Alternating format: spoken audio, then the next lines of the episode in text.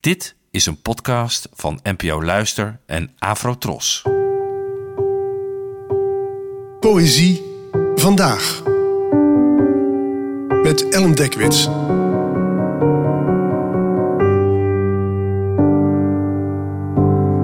Hallo, fijn dat je luistert. Het gedicht van vandaag heet Mijn leven als spookstad en werd geschreven door de Nederlandse dichter Alfred Schaffer, geboren in 1973. Mijn leven als spookstad, waar het voortdurend rommelt. Meestal ver weg, soms dichterbij, heel soms vlakbij. Het vernietigende effect van een eenzelvig draaiend orgeltje, niet meer dan honderd meter verderop, dag na nacht na dag na nacht.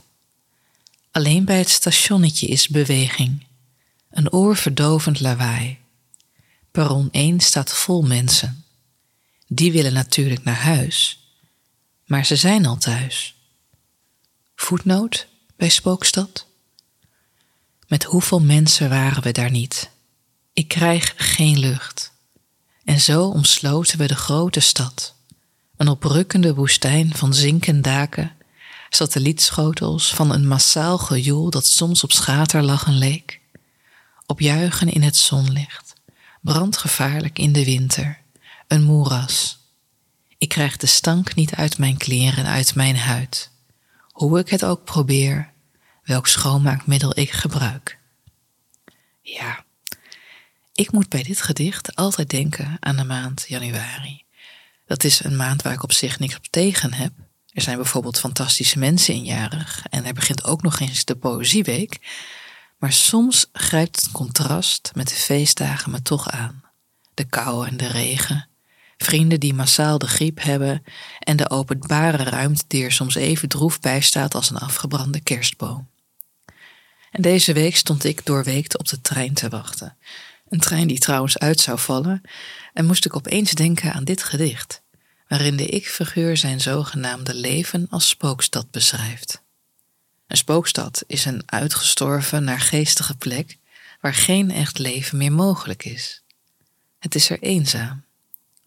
Er is het, zo staat het, vernietigende effect van een eenzelvig en constant draaiend orgeltje, alsof het elke dag hetzelfde liedje is. En om het nog verdrietiger te maken willen alle mensen op het perron naar huis. Maar ja, ze zijn al thuis. Dat kan een treurige mededeling zijn in een gedicht dat verderop nog veel treuriger wordt. Je leest dat er een brandlucht is die maar niet uit de kleren te krijgen is. Dat de stad een woestijn aan metalen en techniek is. Maar ergens krijg ik door dit gedicht ook weer hoop. En dat zit hem niet in het gedicht zelf, maar in contrastwerking. Want hoewel ik het bestaan af en toe ook moeilijk en grauw vind, is het nog lang niet zo erg als in dit gedicht. En zo helpt de uitvergroting die eigen is aan de poëzie, soms ook om de boel weer lekker te kunnen relativeren. En wie weet, misschien zo het thuis van je huis weer te kunnen zien, of op zijn minst januari veilig door te komen. Bedankt voor het luisteren en tot de volgende keer. Afro Tros, de omroep voor ons.